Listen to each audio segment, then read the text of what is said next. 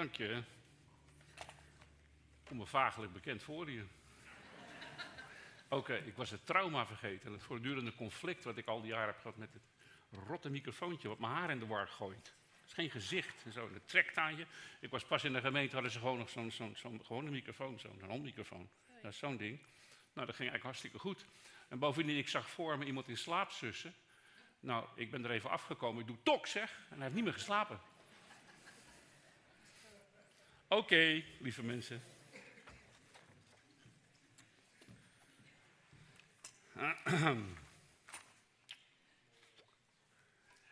Ik heb uh, drie schriftgedeeltes in de preek zitten.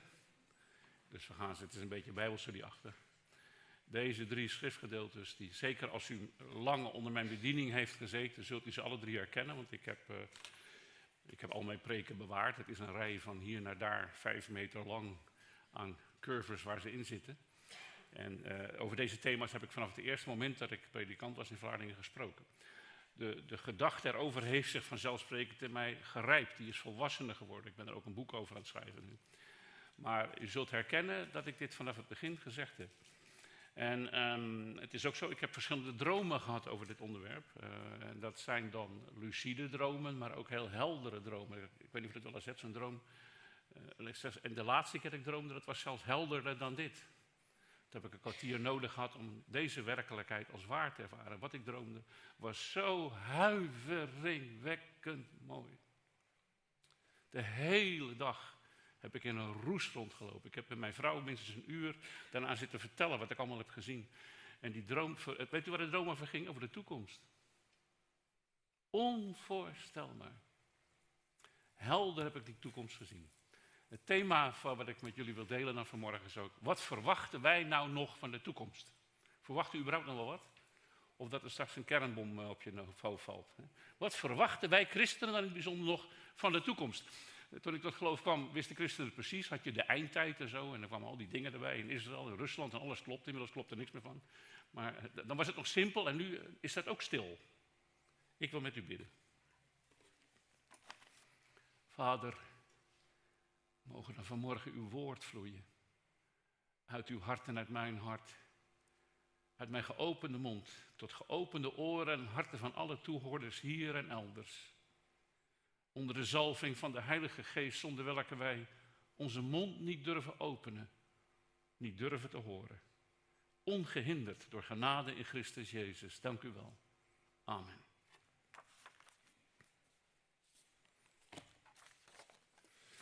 Wat verwachten we nog van de toekomst?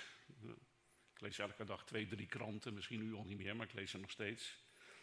En uh, vorige week staat er in de krant, in het AD dacht ik dat het was, dokter Guterres, de hoofd van de Verenigde Naties, zegt zomaar even, de wereld is slechts een misverstand af van een kernoorlog. Er hoeft maar dit te gebeuren. Met mensen die op het ogenblik al heel labiel zijn, dat is nooit eerder gebeurd. Ja? En bam! Zo, fijn. Dan kunnen we weer lekker mee op vakantie. Wat is de toestand vandaag? Nou, hoef je niks te vertellen. De slechtste, meest chaotische, angstigste tijd in de 67,5 jaar dat ik op deze rare wereld rondloop. Dit is werkelijk, ik dacht met corona dat we het al hadden, het was al zo'n rare tijd. Nou, dit is nog ietsje, ietsje moeilijker. En het treft iedereen.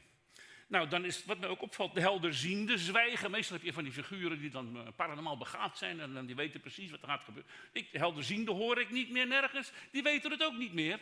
Uh, deskundigen spreken elkaar aan alle kanten tegen. Nogmaals, ik volg het nieuws en ik volg documentaires, lees de kranten, maar er is niemand die weet wat Poetin gaat doen. Die denkt dit, die denkt dat. En niemand weet meer hoe het moet. Uh, we schelden op de overheid, die het ook niet meer weet, maar zelf weten we ook niet hoe het moet. Dus het is heel erg stil. En wat het meest was, ik vind de kerk zo stil. Waar zijn de profeten? En ik dacht van de week aan Amos, die zegt: Dit zijn de dagen dat het woord des Heren schaars is. Er zijn wel preken hoor, maar een preek is niet altijd het woord des Heren. Het is de tijd dat het woord des Heren van de profeten schaars is. Altijd hebben de profeten in bizarre tijden het volk van God bemoedigd. Dan was er een woord van de Heer. En dan konden ze weer. En soms zagen ze het woord nog uitkomen ook. Dan konden ze helemaal weer door. Hoeveel heeft het volk van Israël niet geleden, maar met die profeten doorstaan? Waar zijn ze nou? Kerk is ook stil. Wat verwachten wij christenen vandaag nog van de toekomst? Nou, ik zeg al dan, altijd als het spannend wordt in de wereld, komt die eindtijd op. Hè?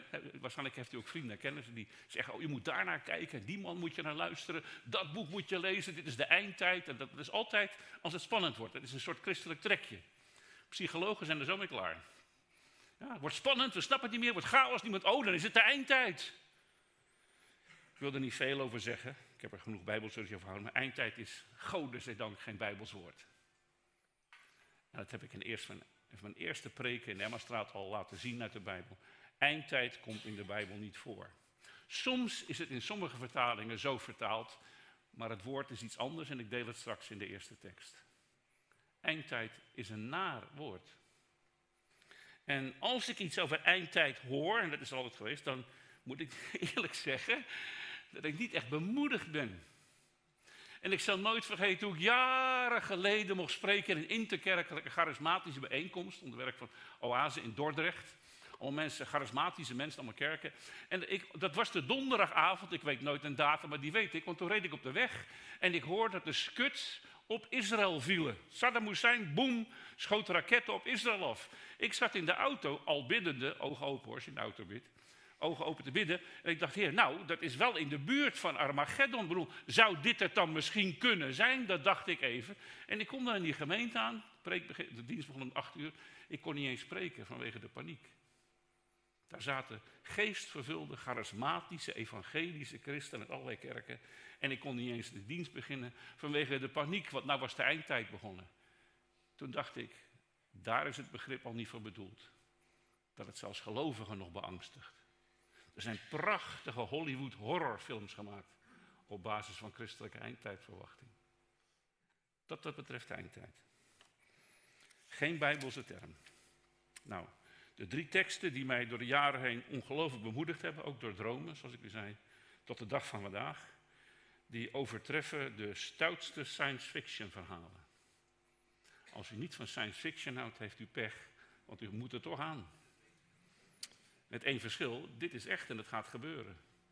De grootste science fiction schrijver aller tijden, de uitvinder van de kunstmaan, de satelliet, Sir Arthur Clarke, die uh, prachtige, die 2001 heeft geschreven, 2010, zegt aan het einde van, zijn eerste super mysterieuze boek, 2001 Space Odyssey, de beste science, film, science fiction aller tijden. Hij zegt, vond u dit een ongeloofwaardig verhaal? Vond u dit een vreemd verhaal? De werkelijkheid is altijd nog veel ongeloofwaardiger. Wat God zal doen. En wat geen mens en geen science fiction schrijver kan bedenken. Nou, wat zijn die teksten? Wat verwachten wij christenen van het woord van God nog in de toekomst? Vandaag is dit dus ook onze bemoediging. Tenminste, de mijne wel. Wat verwachten wij vanuit die bemoediging? Nou, de eerste tekst is Matthäus 24, vers 1 tot en met 3. Oh, het is daar klein, ik heb een nieuwe bril nodig. En Jezus ging de tempel uit en vertrok en zijn discipelen kwamen tot hem om hem op de gebouwen van de tempel te wijzen. Let goed op, de situatie daar. Jezus antwoordde, zei tot hen, ziet gij dit alles hier, die tempel? Voorwaar, ik zeg u, er zal hier geen steen op de andere gelaten worden, die niet zal worden weggebroken. En toen hij op de olijfborg gezeten was, kwamen zijn discipelen alleen tot hem en zeiden, zeg ons, wanneer zal dat geschieden? En wat is het teken van uw komst en van de, en nou komt het, de voleinding der wereld. Soenteleias. Dit is het woord wat systematisch door Jezus en de apostel wordt gebruikt om de laatste dagen te beschrijven. Nooit eindtijd. Soenteleios. Voleinding. Wordt u nu al niet blij? Ik word al blij als ik het uitspreek. Voleinding. Verperfectionering. Vervolmaking. Voltooiing betekent het woord. Afmaken. God gaat de kapotte boel hier voltooien. Zo. En terecht zegt de Bijbel op veel plaatsen. Soms kun je aan een huis, aan een bouwval nog iets doen. Dan kun je een muurtje weghalen. Dan kunnen we Willem erop afsturen daar, die alles kan. En nog een paar van die maloten hier die twee rechterhanden hebben. En dan maken ze van die puinhoop nog wat. Maar soms, Willem, kom je in een huis en dan zeg je... dit hele ding moet eerst plat tot de grond. Klopt. Daar zitten we nou in. Voordat God kan voltooien. Zien we nu de laatste stuiptrekkingen van het onvoltooide, het onvolmaakte, het menselijke. Wat een tijd om in te leven. Zeg het tegen uw kinderen. Mag jij blij zijn dat je in deze tijd bent geboren? Ja, maar papa, mama, ja, juist. Want wat er nou gaat gebeuren, wat jij nog zult meemaken, en misschien papa en mama ook nog, dat is ongekend. Dat is in geen mensenhoofd opgekomen. Dat gaat God doen de voleinding. Nou, moet u goed letten, Jezus spreekt over de tempel. En hij zegt, die tempel gaat helemaal onderuit. Nou, dat is gebeurd. Dus dit is geen profetie over nu. 75 na Christus kwamen de Romeinen, die hebben de hele tempel platgewalst. Toen is er ook nog een andere profetie die wij in de eindtijd plaatsen vervuld. Want er staat dan dat de Romeinse keizer, of dat de, dat de valse god, de antichrist, hoe die ook mag heten, die zou zich nestelen in de tempel. Dat klopt, want de keizergod van Rome, hij noemde zich een godheid, is op de tempel, de troon van de tempel gaan zitten. Allemaal vervuld. Dan zijn er nog details die na dit stukje komen. Ik heb het in de Bijbel laten zien. Van voorafgaan naar het grote gebeuren. Zullen er aardbevingen zijn en vreemde tekenen aan de hemelen. En Eusebius, een geschiedschrijver, samen met een andere geschiedschrijver uit die tijd, Josephus, zeggen, zonder dat ze het wisten. Voordat die tempel vernietigd werd en de Joden massaal werden uitgeroeid bijna en een godsdienst vernietigd. Toen waren er vreemde tekenen aan de hemel en overal aardbevingen. Dat is dus allemaal al gebeurd. Dat is allemaal gebeurd. Wat we dus weten is dat die voleinding is begonnen in 75 na Christus. Met de vernietiging van de tempel. Maar voor dit hoeven we niet meer bang te zijn. Dat is gebeurd. De voleinding. Elders in Matthäus 28 komen de mooie woorden van Jezus. Waar hij daar staat vlak voordat hij naar de Vader gaat. En ons achterlaat, u en mij met de woorden. En zie, ik ben met u ik ben bij jou. Ik ben met jullie. Overheden, wetenschappers, leiders, gewone mensen die het haast niet meer redden vandaag de dag. Zie, vergeet niet, ik ben met jou, ik ben met jullie. Wanneer? Al de dagen tot aan de voleinding der wereld. Totdat dit proces voleindigd is, wat nu begint. Dus vandaag is Jezus met u bij u. En soms merk je dat ook. Veel van deze liederen gingen daarover. Maar soms merk je dat ook. Soms niet. Soms denk je echt, al durf je niet te zeggen, vader, bent u er nog wel? Doet u nog wel wat met mij? Uh, helpt u nog wel? Zorgt u nog wel? En doet u nog wel wat met de wereld? Want het lijkt alsof iedereen maar zijn gang kan gaan. Kom ik straks terug. Jezus zegt, ik ben met je. Tot aan de laatste fase van de voleinding die in 75 na Christus is begonnen. Maar die voleinding begon met voor de Joden het einde van de wereld. Toen hun godsdienst werd vernietigd, hun tempel ging eraan. Het bloed van de Joden stroomde door de stadspoorten van Jeruzalem. En de Joodse mensen vluchtten naar de bergen van Judea. Precies wat Jezus zei. Allemaal al gebeurd. Dat hebben we gehad. Soen teleios. De vervolmaking, de voltooiing. Nou, dan zeggen sommige mensen wel eens tegen me: ja, dominee, alles was toch al zeer goed? God zegt zelf toen het klaar was: het was zeer goed. Nou, ten eerste was het voor de zondeval. Dus ik heb geen flauw idee hoe het daarvoor was, maar ik weet dat het niet zoals het nu is.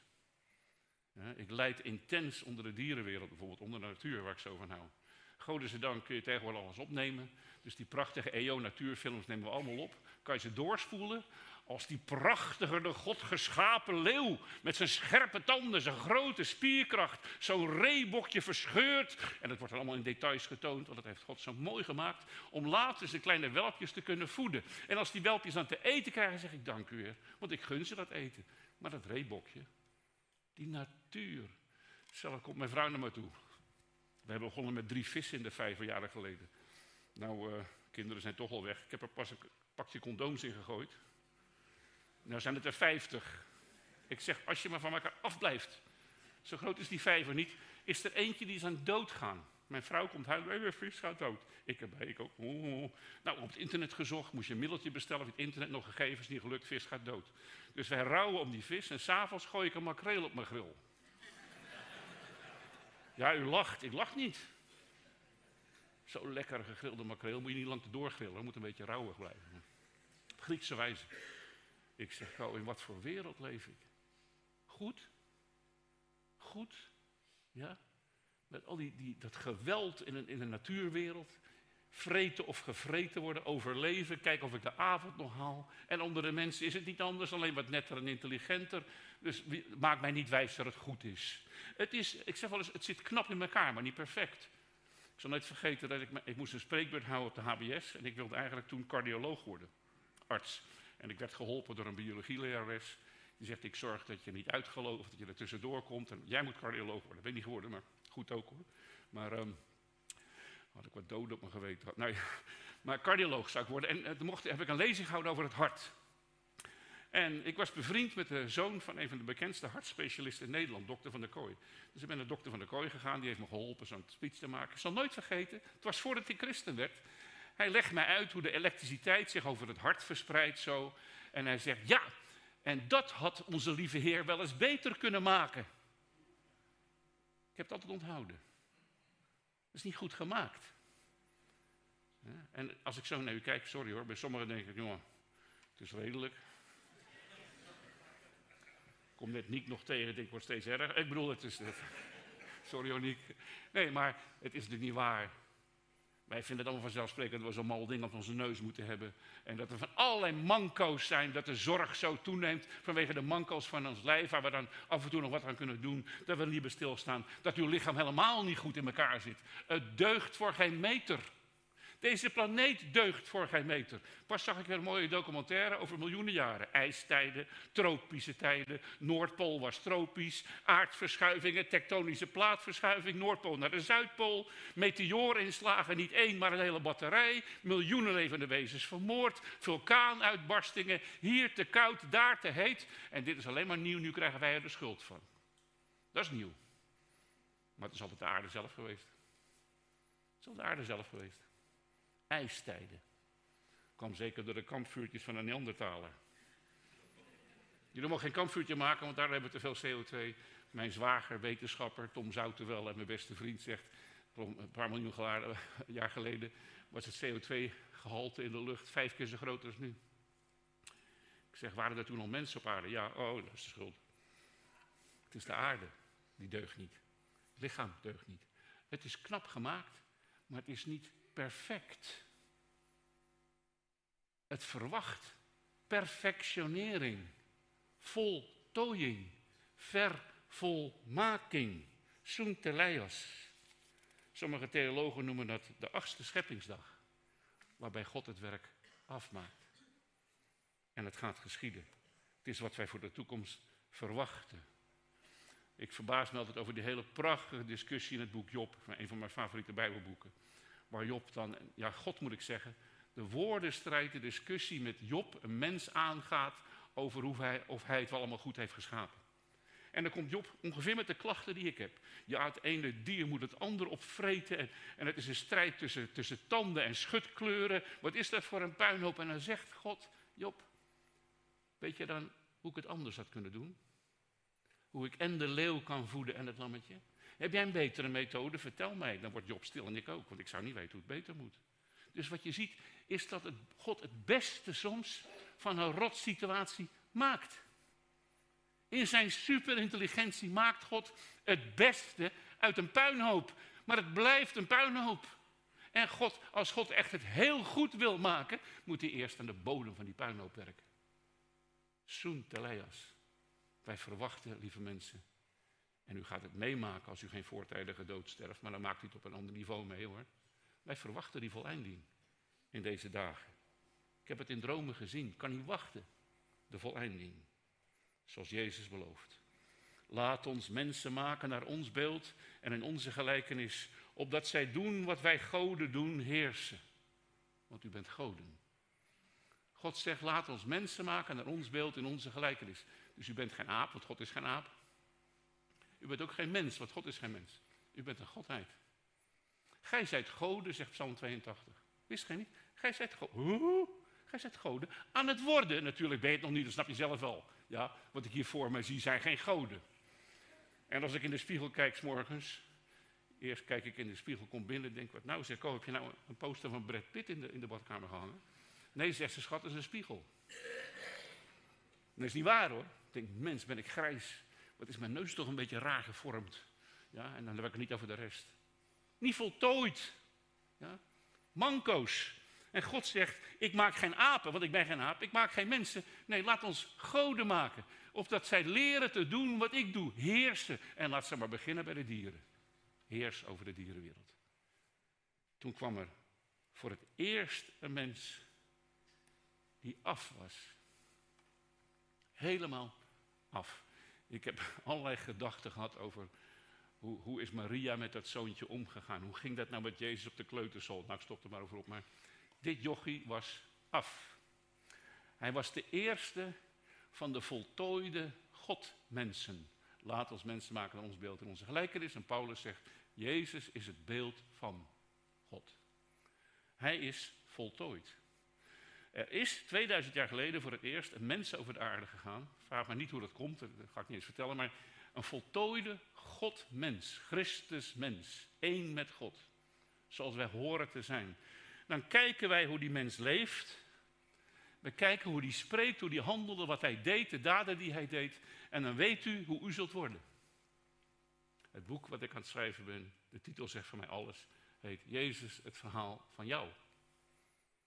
Is niet het verhaal van iemand daar. Het is jouw verhaal. Ja? Maar goed, verder niet op in. Dus de hele Bijbel zegt dat. Daar verscheen Jezus, die niet voor niets genoemd wordt. Een eerstgeborene van die voltooide schepping. De eerste nieuwe mens. De eerste kant-en-klare Godmens, de Christusmens. En nu geef ik u vast die tekst mee die ik jaren gepreekt heb. Nu moet ik even vasthouden. Paulus zegt dan, Christus in ons. De hoop op heerlijkheid. Die voltooide mens, die kant-en-klare afmens, die Godmens, die Christusmens, zit daar. Christus in ons. En Paulus zegt, toen ik tot bekering kwam, heeft God mij laten zien dat Christus in mij leefde. Ik vervolgde die in mij leefde. Christus is het licht dat mooie mensen verlicht, knappe mensen verlicht. Nee, Christus is het licht dat elke mens verlicht. Ik kijk naar Poetin, een lelijk mannetje trouwens, zeg maar goed. En ik weet, het licht van Christus schijnt in die man. En ik bid niet dat hij kanker krijgt of dood neervalt of kapot geschoten wordt. Ik bid dat het licht van Christus het hem wint. Wat ben ik toch naïef. En ik kijk naar Rutte, ik denk, daar heeft die man het moeilijk. Ik doe niet mee met het gescheld. Nee. En ik bid dat het licht van Christus in Rutte, in Kaag, in die hele apenhul daar, dat het, dat het licht van Christus over die apen heerst en vrijkomt. Want dan komen we eruit. Niet Jezus, daar is onze hoop. Niet Jezus, daar is onze hoop. Christus in ons is jullie hoop op een heerlijke toekomst. Als je dit gelooft, word je blij. Want je bent niet alleen in jezelf. Je bent niet alleen in jezelf. Christus leeft. De hoop op heerlijkheid. De kiem, het zaad van die voltooide Christusmens, bevindt zich als een schat, zegt Jezus ook, in ons binnenste. De kiem is er. De Bijbel noemt het zaad van Christus in Johannes. Dat is er in je. Het zaad van Christus leeft in je. Die voltooide mens is in jou. Maar het is met dat zaad niet goed, nog niet voltooid. Uh, om lid te worden van de kerk, straks oriëntatieavond gaat Dennis u vertellen. Een van de eisen om lid te worden is dat je een born-again Christian bent. Je moet wederom geboren zijn, dat is een eis. Nou, als je niet weet wat het betekent, hoor je van Dennis wel. Dus een eis voor lid, dat is de eerste. Born again Christian. Maar dat wedergeboren zijn is helemaal niet voltooid. Dat klopt ook niet. Dit is de tijd dat ook de wedergeboorte van Christus in ons voltooid gaat worden. Want dat is het helemaal niet. Wij verwachten een voleinding daarvan. Want Jezus zegt ook, straks bij de wedergeboorte, dan zult gij met mij zitten op de troon der heerlijkheid. Zit je nu met je christen zijn op een troon? Ik ben al blij als we een gemeente hebben waar mensen op krukjes zitten. Ik ben al blij dat ze überhaupt zitten en niet omvallen. Er zijn al mensen die christen zijn, maar al, al omvallen. Op een troon zit niet. Geen christen die op een troon zit. Nee. En over de wereld heerst zoals Jezus dat deed. Dus Jezus zegt straks bij de wedergeboorte, die moet dus afgemaakt worden, dan zul jij met mij op de troon zitten. Mensenlief, niet op een krukje. Niet half om, half staande. Op een troon. En heel de schepping zal je zien. Christus in ons, de hoop op heerlijkheid. Wij verwachten een voleinding. Tweede, dat is de tekst in 1 Korinthe 15. Wij verwachten een totale, radicale, onvoorstelbare, ogenblikkelijke metamorfose. Zo, hallo. Nog een keer. Wij verwachten een totale, radicale, onvoorstelbare, ogenblikkelijke metamorfose in de toekomst. In de nabije toekomst. In deze tijd. 1 Corinthië 15, vers 50 en verder. Dit spreek ik evenwel uit, broeders. Vlees en bloed kunnen het koninkrijk van God niet beërven. En het vergankelijke beërft de onvergankelijkheid niet. Zie, ik deel u een geheimenis mee, een mysterium. Allen zullen wij niet ontslapen, niet iedereen gaat dood. Maar allen zullen wij veranderd worden, de doden en de levenden, in die tijd in een ondeelbaar ogenblik. Bij de laatste bazuin. Ik zeg wel eens tegen mijn vrouw, ik hoop dat ik die bazuin ook hoor, want als jij slaapt hoor je helemaal geen bazuin. Kobi, hallo, wakker worden. Mens, dus moet een bazuin zijn, maar bij de laatste bazuin worden we wakker. Ja? Zullen wij veranderd worden? In een ondeelbaar ogenblik bij de laatste bezuin. Want de bezuin zal klinken en de doden gaan, zullen opstaan. Onvergankelijk opgewekt worden. En wij zullen veranderd worden, metamorfose. Daarom, mijn geliefde broeders en zusters, wees standvastig, onwankelbaar. Te alle tijden overvloedig in het werk des Heren. Niet omdat het einde nadert. Niet omdat het afgelopen is met het oude christelijk geloof. Maar omdat het net pas begonnen is. En jij weet hoe het afloopt. En als je een beetje slim bent, dan wil je bij de winning team horen. En de kerk is het winnende team. Ook al lachen ze ons nu uit, laat maar, wij zijn het winnende team. Alle inzet die je nu steekt in je geloof, in de kerk, in het christendom, is een investering. Want je zit in de winning team. En straks komen er allemaal kerkverlaters. De dwaze maagden. Die zien het dan gebeuren. Die zeggen, mogen wij nou ook een beetje van jullie heerlijke olie? En wij met tranen zeggen, we zouden je graag geven, maar het kan niet. Je had zelf je olie moeten vergaren toen het moeilijk was. Daarom, geliefde broeders en zusters, wees standvastig. Weten dat uw arbeid niet vergeefs is in de Heer. Dat moest Paulus zeggen, omdat je soms denkt, waar doe ik het voor? Waarvoor ga ik naar de kerk? Waarvoor ben ik christen? Ik, die heb ik het al verteld, ik heb het ergens verteld, ik weet niet meer waar. Want ik dacht eerst dat ons pensioen fout zou lopen, maar ik was wat vergeten. En uh, toen ging ik opeens rekenen, hoeveel heb ik aan tiende eigenlijk weggegeven? Nou, zegt dat is een flink pensioen. Wow. Dat is een getal met een heleboel cijfers, zegt tegen Ko. Wat is dat zonde geweest met een glimlach, hè? Nee, schat, helemaal niet. Ik zou het opnieuw doen. Maar tiende ben je kwijt. Er zijn van die rare fabeltjes dat God je dan zegent en dan wordt je bankrekening drie keer zo hoog. Maar de predikers die dat preken hebben dat nodig, omdat ze in een jet over de aarde vliegen. Ze zijn schatrijk en ze leven van u. Eh, dus dat is onzin. Nee, tiende ben je kwijt. Kan niet missen. En dan zeg je, waarom doe ik het? De kerk is niks meer. Iedereen loopt weg. Christendom is aan het sterven. Nee, nee, nee, we are a winning team. En we leven in de tijd dat de hele wereld het zal zien. Mijn preek is nog niet af. Dit is wat Paulus zegt. Er komt een metamorfose. Niet alleen voor de doden, maar hier staat ook voor de levenden. Zij zullen een ogenblik veranderen in de spirituele lichtwezens die ze ten diepste zijn en altijd van binnen ook gevoeld hebben. Want als het goed is en u bent wederom geboren, dan spreek ik geen onzin voor uw oren. Dan voelt u soms dat het in u zit, klopt dat? Soms heb je momenten, dan voel je Christus in je. Kom er straks op terug, dan baal je dat hij er zo rot uitkomt. Maar daar ligt het probleem. Maar hij zit er wel. Wij zijn slaapwandelende mensen.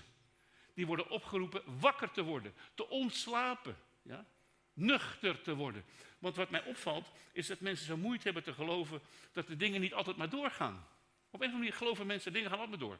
En ze plannen maar, nou gebeurt er iets, corona, oh het gaat niet door. Uh, de tijd waar we nu zitten gaat helemaal niet door. En bovenop de klap van dingen niet doorgaan, hebben ze ook nog eens, ik dacht eigenlijk dat het altijd door zou gaan.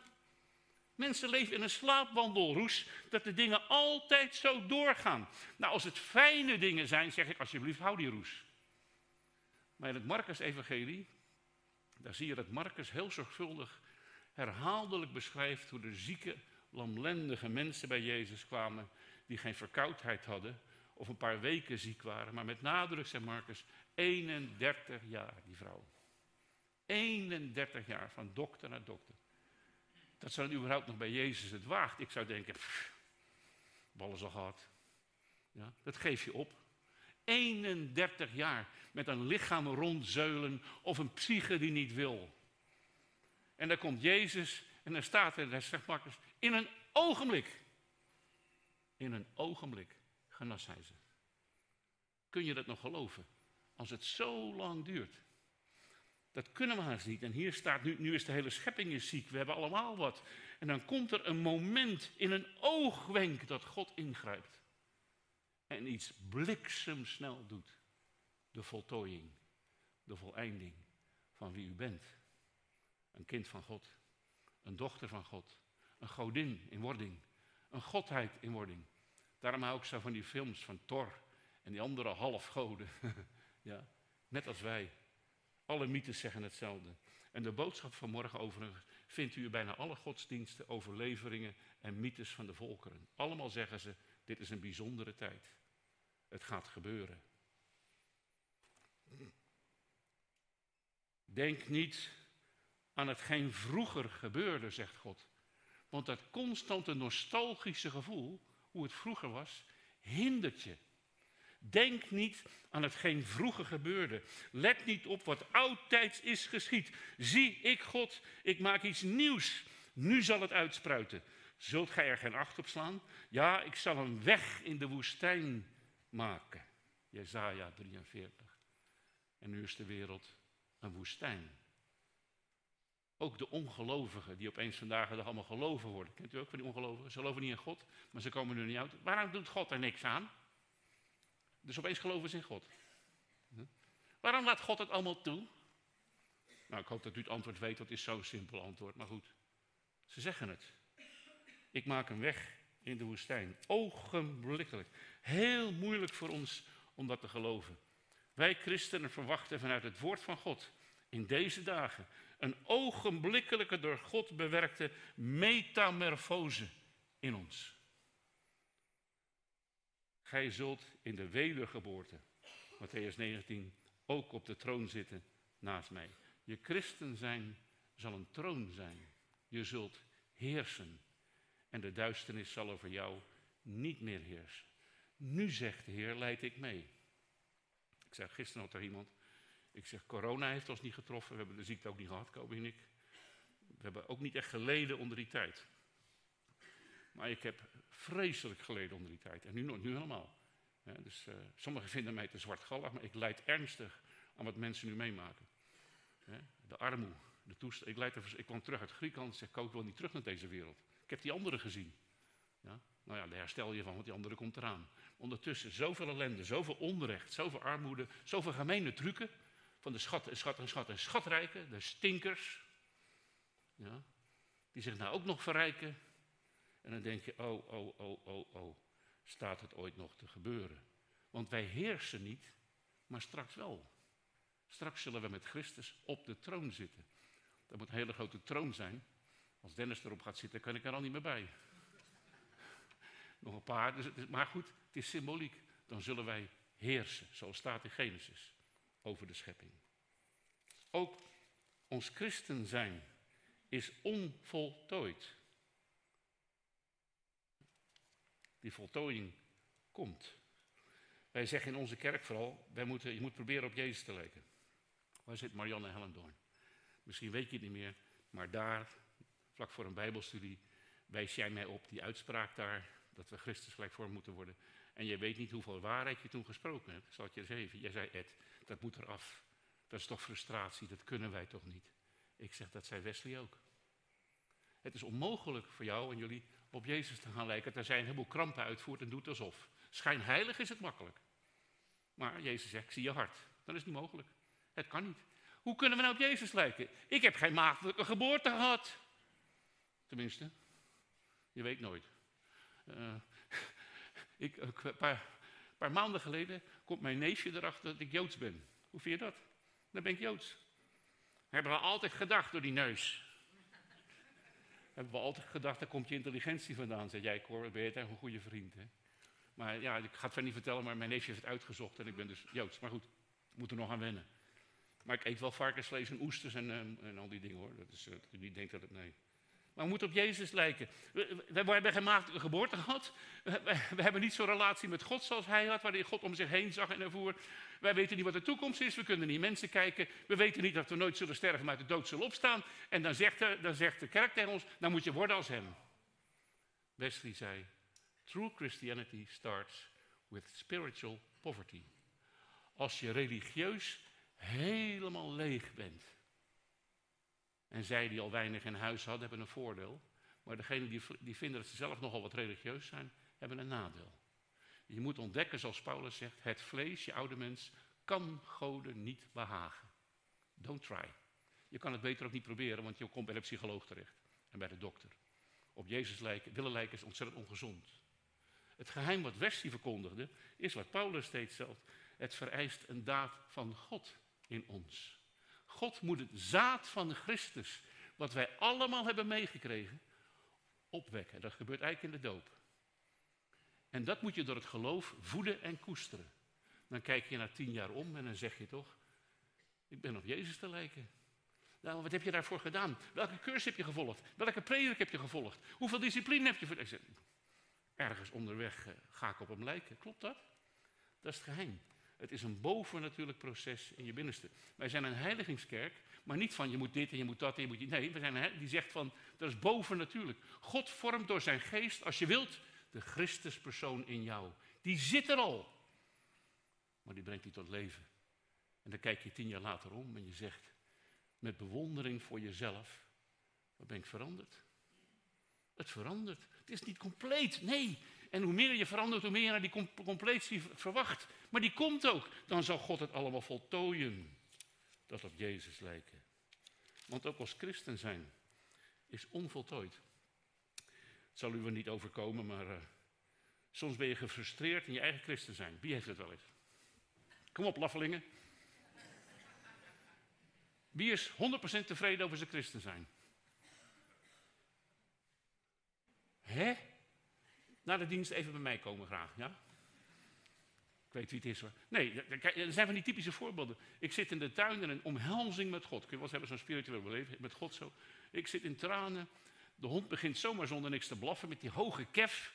De buurvrouw over de schutting geeft een sneer over die hond. En ik, net in die omhelzing met God, geef haar een sneer terug.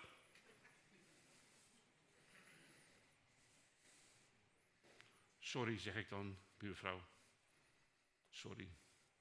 Maar het contrast tussen die omhelzing met Jezus, spiritueel, en mijn reactie, dat zult u kennen. En ook anderen pakken je erop. Moet jij nou een christen zijn? Moeten jullie nou christenen zijn? Ja, daar gaan we. Soms praat je dat een beetje recht, maar het is niet recht. Want het is niet voltooid. Het zit er zeker en je wordt woest als je vriendin of je familie, voor wie je bidt dat ze het geloof vinden, zegt, nou moet jij nou christen zijn, dan kook je, want je wil ze juist dat laten zien. Maar je licht is niet goed genoeg, je bent gevallen. Het beste wat je ook kan doen is zeggen, sorry, dat was ik ook even niet. Dat is het beste antwoord. Sorry, je hebt gelijk, past even niet.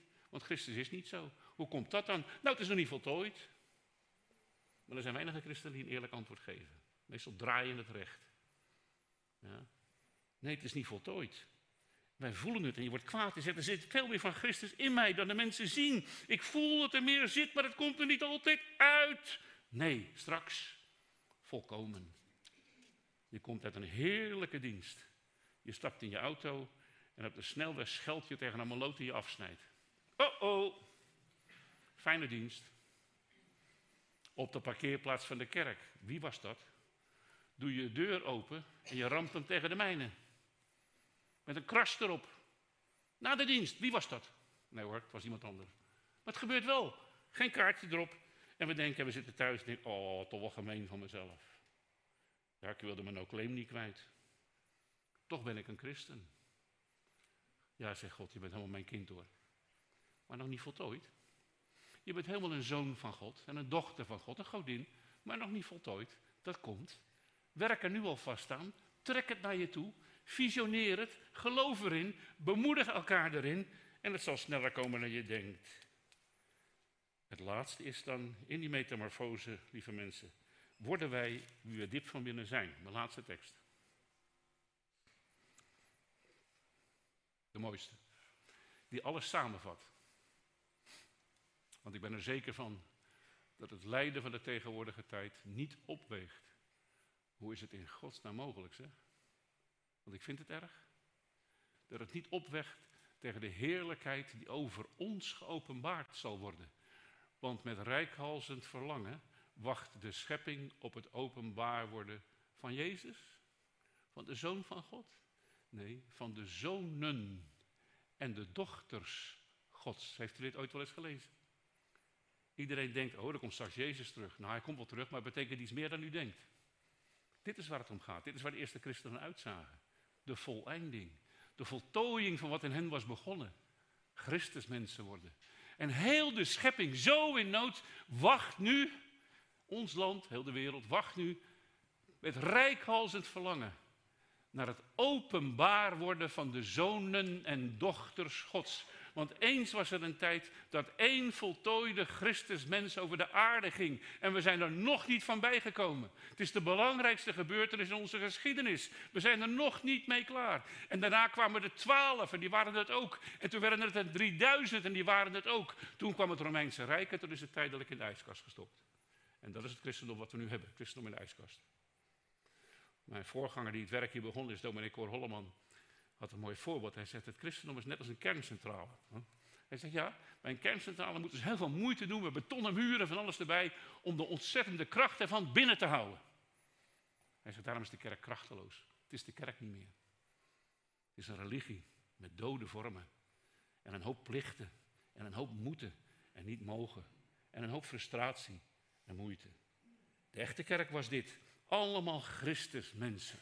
In het boek Handelingen is Lucas zorgvuldig bezig om te laten zien dat de apostelen alles hebben gedaan wat Jezus deed. Zieken genezen, doden opwekken, alles.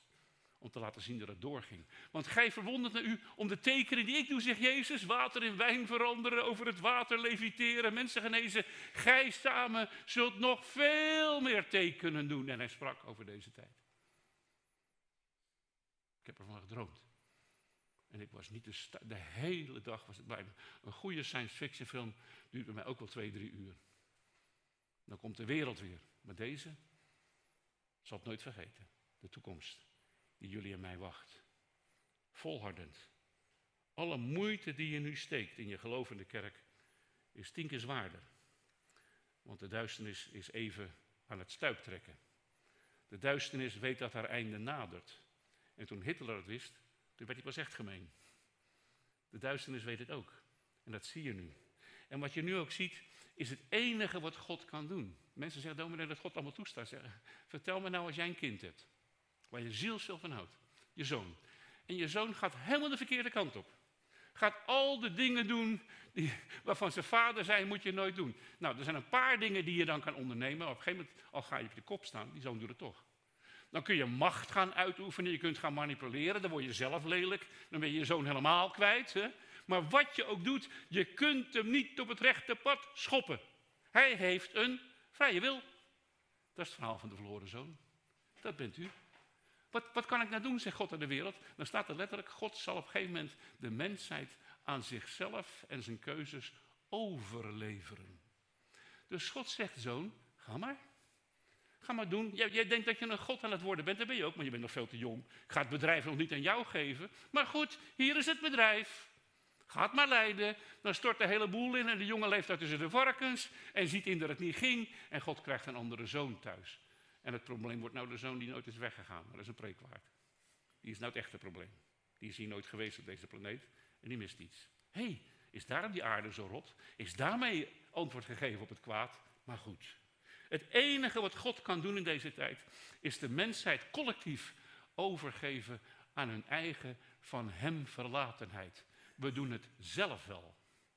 De dieren leven in contact met het kwantumveld. Het veld zorgt voor ze. Het veld met de vogels naar het zuiden in de winter. Het veld zorgt dat de miertjes één grote organisatie. Nou, de dieren weten het. De planten weten het. De sterren weten het. De kleinste deeltjes weten het. De mens zegt: Ik ben de vogel die in de winter gewoon thuis blijft en God kan de pot op. En als we doodvriezen, omdat we de gasrekening niet kunnen betalen, dan zegt de mens: Help. En dan zegt de regering: Help. En dan zeggen we wereldwijd in de wetenschap: Help. Want het loopt overal vast. De derde poging om een raket naar de maan te sturen. Hoe is het mogelijk? Weer mislukt. Het lijkt wel of niks meer lukt. Alles wat we ondernemen lukt niet. Coronavaccin was goed, maar het is toch niet zo goed als we dachten. Na een half jaar is het uitgewerkt. het is niet zo goed als we eerst dachten. Hoe dankbaar er ook mee zijn. Het is allemaal valt het tegen. Waar is de politicus die het nog kan? Ja, in Italië, die vrouw die schreeuwt als, als, als Hitler en Mussolini. Die gaat het oplossen. Dat ga je nou krijgen. Overal loopt het vast. Want de mensen willen het wel zelf doen. En de nieuwe Christus, mens van de toekomst, let op, zal een mens zijn van samen. De kerk, zegt de Bijbel, is het beeld van de toekomst waar de mensheid samen is. Ze doen het samen. Het laatste boek van Noah Harari, ik heb het nog niet gelezen, maar hij zei in zijn vorig boek al, de mensheid van de toekomst zal geen nationalisme meer kennen, zal niet meer zeggen ik heb een landje, maar zal het samen gaan doen. Samen. Want wij zijn samen als God. En daar is de gemeente een voorbeeld van. Daarom dat de duisternis zich keert tegen de gemeente, tegen het christendom, tegen de poging om het geheim van samen te doen. Want dat is het geheim. Samen met God, samen met elkaar. Laatste, misschien heeft u wel eens gehoord, heeft u wel gehoord van het woord transhumaan? Transhuman, kent u dat? Transhuman beweging? Onze wetenschap is nu bezig de mens een half technologisch wezen te willen maken. En dan krijg je de transhumane ubermensch. Zijn getal is 6, 6, 6. En door mensen gemaakte, ogenschijnlijk perfecte, maar zwaar ziekelijke mens zonder ziel. Dat staat tegenover het getal 777. De door God gemaakte Christusmens. Christus in ons, de hoop op heerlijkheid. Amen.